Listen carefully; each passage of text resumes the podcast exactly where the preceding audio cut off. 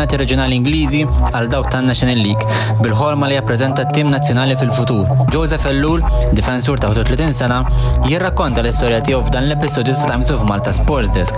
Ellul jinsab fuq il-kodba ta' Maidenhead United, tim fin-National League Ingliż.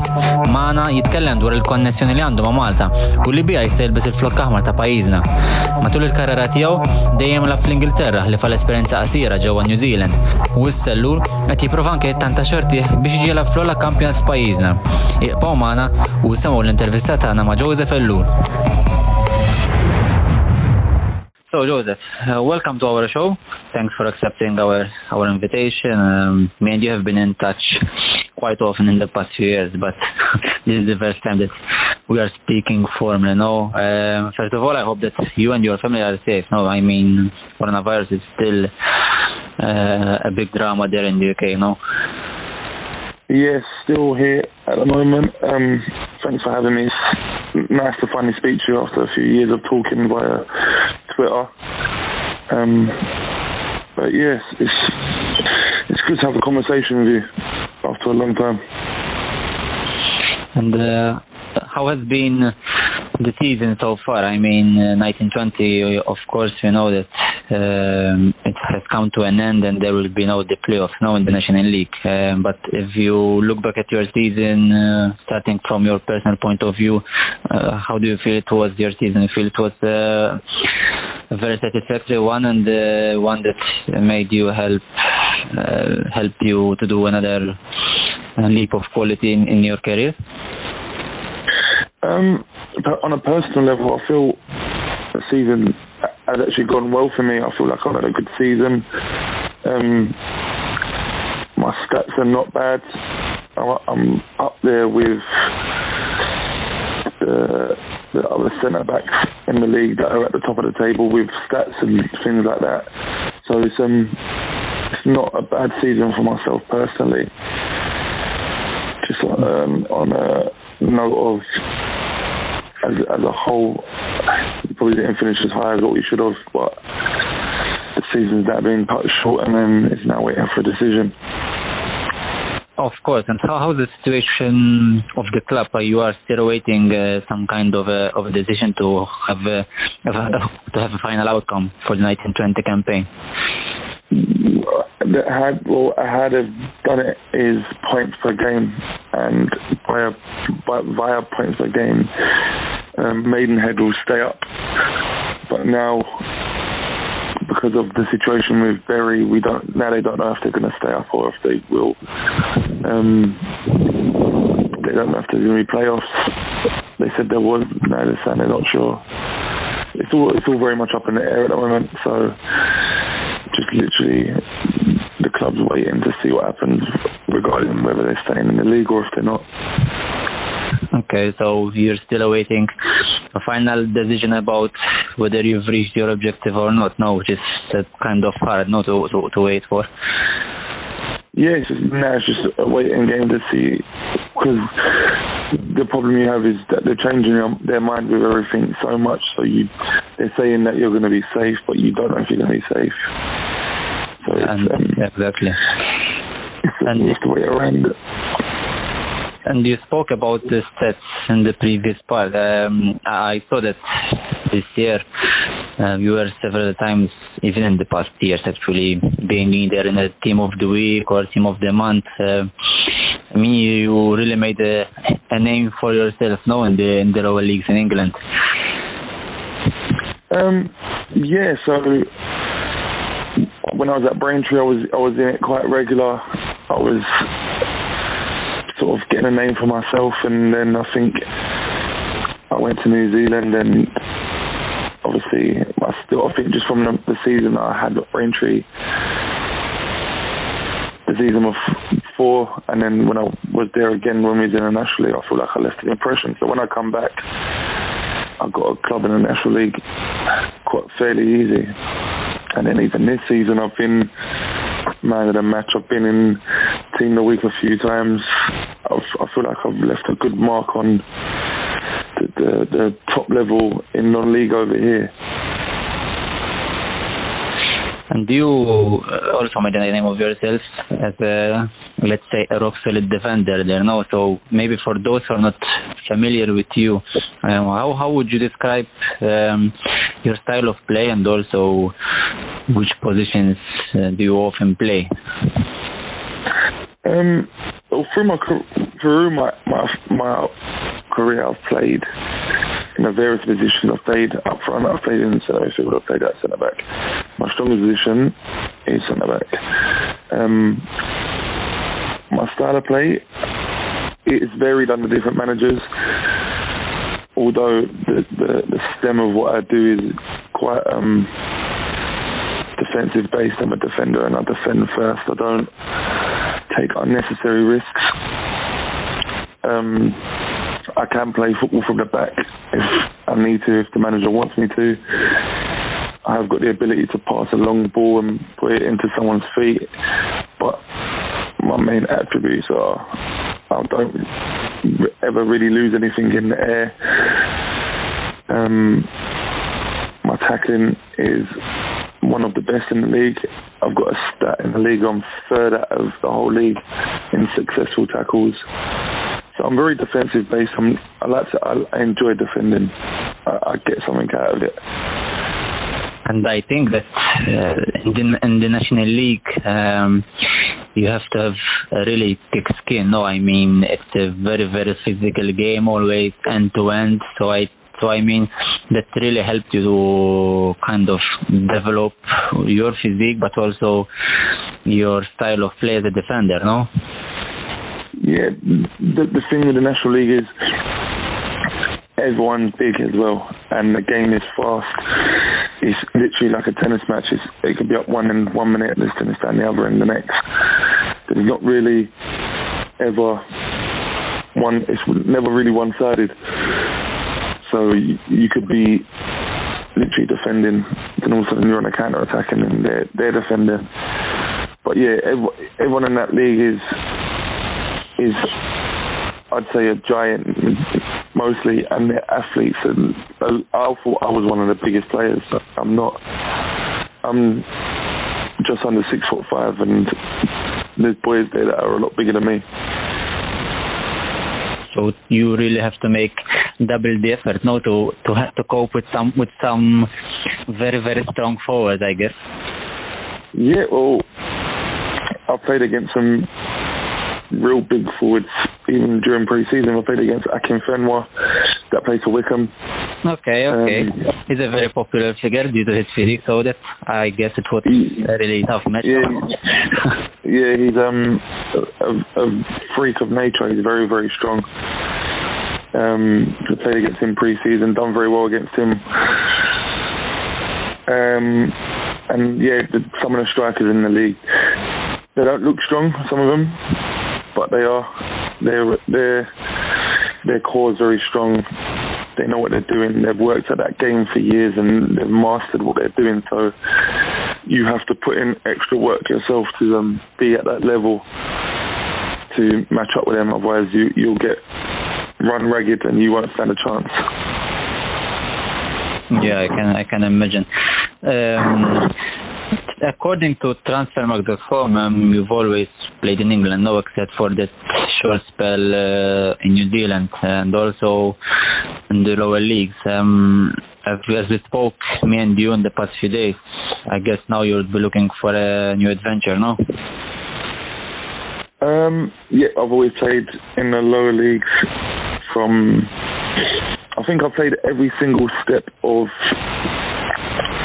non-league. I've played Essex Senior, Ryman North, Ryman Prem, Conference National, and in a little st- a spell in New Zealand. Um, contract is now up at Maidenhead. I don't think they know what's going on. I also want to push at my age that I am now to try and get into the national team of Malta. And I feel like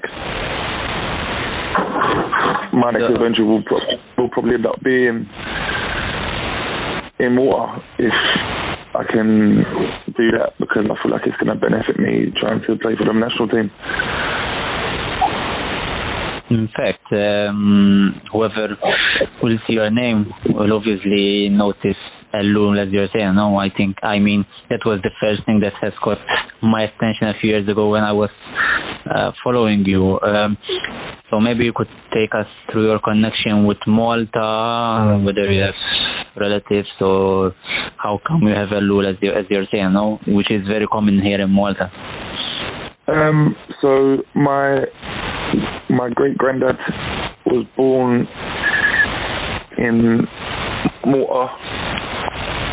Um, I'm not too sure if I have the information, but I've, I think I've got all the information of where he was born, and it was it's quite mad to be fair that I I knew I had connections elsewhere, but didn't know so I think he was born in Paola, in Malta.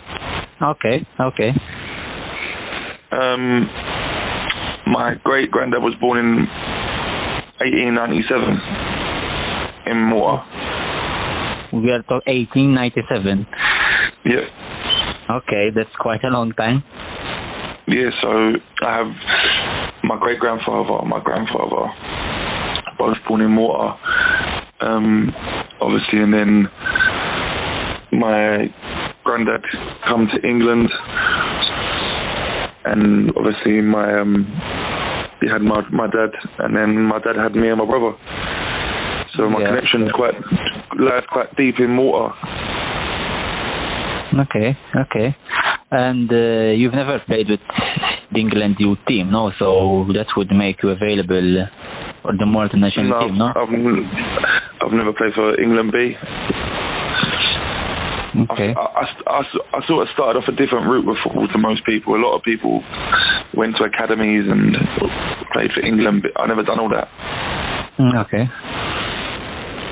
And as we spoke some time, um, you've been in touch now with the Malta Football Association, or am I wrong? Um, I spoke to him. Okay. I spoke they to hmm? the old. I spoke to the ex-manager, um, Mr. Farrugia. Yes, yes. Um, and the conversation at the beginning was uh, good. It was fine. Um, he, he then just said that if I haven't got a Maltese passport, then I wouldn't get called up. And then now, obviously, I've put it in place to get the passport to um, to have dual citizenship so it gives me a chance to maybe get a call up at some point. So the you're still in the process of, of getting the passport, no? I've sent all the information off. It's all gone through. It's just literally waiting for someone at the embassy in London to okay. um, look look at it and then make a decision. But I can't see why they wouldn't because I'll give them every, all the information that they wanted to apply for the passport. Did they give you any I don't know any time frame of maybe when the passport could be done or or you it's really up in the air at the moment?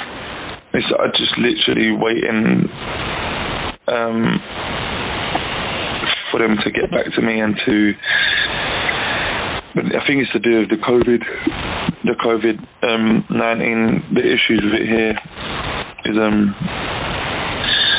causing problems with everything and slowing everything down. But then I have spoke to someone in Malta that is um going to talk to the um the people over there about it and see if we can get pushed through quicker. Okay, okay. Yes, of course, because this is a lot of bureaucratic process, no? So you've got to have, have some helping hand somewhere to to make it quicker, no?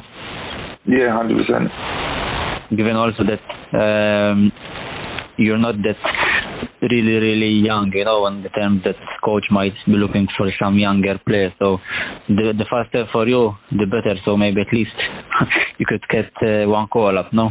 Under this yeah for, for me for me one call up would would be everything. It'd be massive. Although I do feel like I'm going to play until I'm into my late 30s um I do look after myself. I'm I'm not like a lot of a lot of players that they get to a certain age and their legs sort of die on them. I'm, I feel in very very good shape. I've I've kept myself fit through this whole thing, and I I, I feel like once the, the national team manager gets to see what I can do, whether it be here in Malta or elsewhere, he will want to me to play for the national team because he feels like I can add something. Do you have you spoken with the new coach yet, or you haven't been? I, I haven't. I haven't. No, I haven't. Okay. I haven't spoken to him yet. I, I'm hoping to at some point just to let him know that I am available once my passport comes.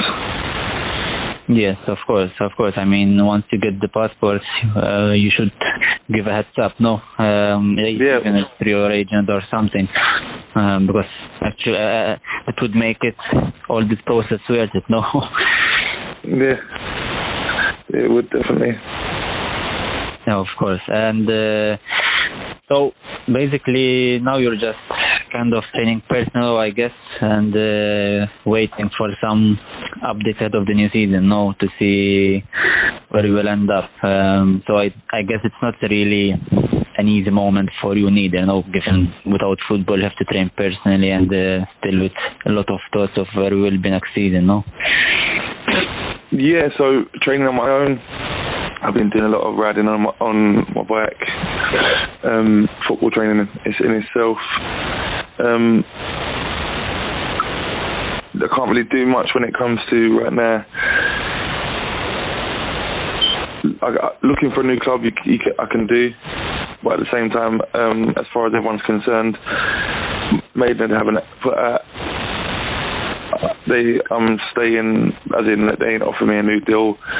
Um, I've spoken to someone previously on a different show, and I've told them that my first thing was to stay at Maidenhead, but how long can I wait around before I, I push myself to play somewhere else and for someone else because I'm not young. I need to play as much as I can for as long as I can. Of course, of course, and even if you have national team hopes, um, you have to get somewhere as soon as possible to get yourself settled and uh, and noticed, of course. Um, yeah. Joseph, um, it's, it's been uh, it's been a pleasure to speak to you. Eh? Yeah, I've been, I've enjoyed it. It's been good to, to have a chat with you. You're welcome. Um, we keep in touch and uh, hopefully you get a transfer as soon as possible. Maybe in Malta, who knows? And uh, obviously, then keep us updated with your national team situation. I really hope that you could get you could get at least one call. That would be a nice story, you know, from the literally lower leagues of England. So who knows the World Cup qualifier? So that would be great. Yeah, yeah, it'd be, it'd be really good. I'd enjoy that a lot. And yeah, it's been nice to talk to you. And um, just want to say thanks for everything you've done in the past because you helped me with a lot of things regarding to speaking to certain people in um, in in to do with more the national team. And uh, I, I want to thank you very much for it. You're welcome, and we're we're always ready to help you. So uh, we know how much it would mean for you and for even other players. So that's that's the least you can do. Um, thanks very much, Joseph, and stay safe, of course. Niringrazzjaw li l-lul tal-ħin tiegħu u nittamaw li kienet intervista tant interessanti anka likom is-segwaċi tagħna. Inħeġġukom tkomplu segwu dan il-podcast fil-waqt li anke tkomplu tkunu magħna fuq il-medji soċjali l-oħra bħalma huma Facebook u Instagram. U fl-istess ħin nisperaw li tibqgħu wkoll aġġornati grazzi għas-sit tagħna. Grazzi u nistennewkom għall-episodju li jmiss.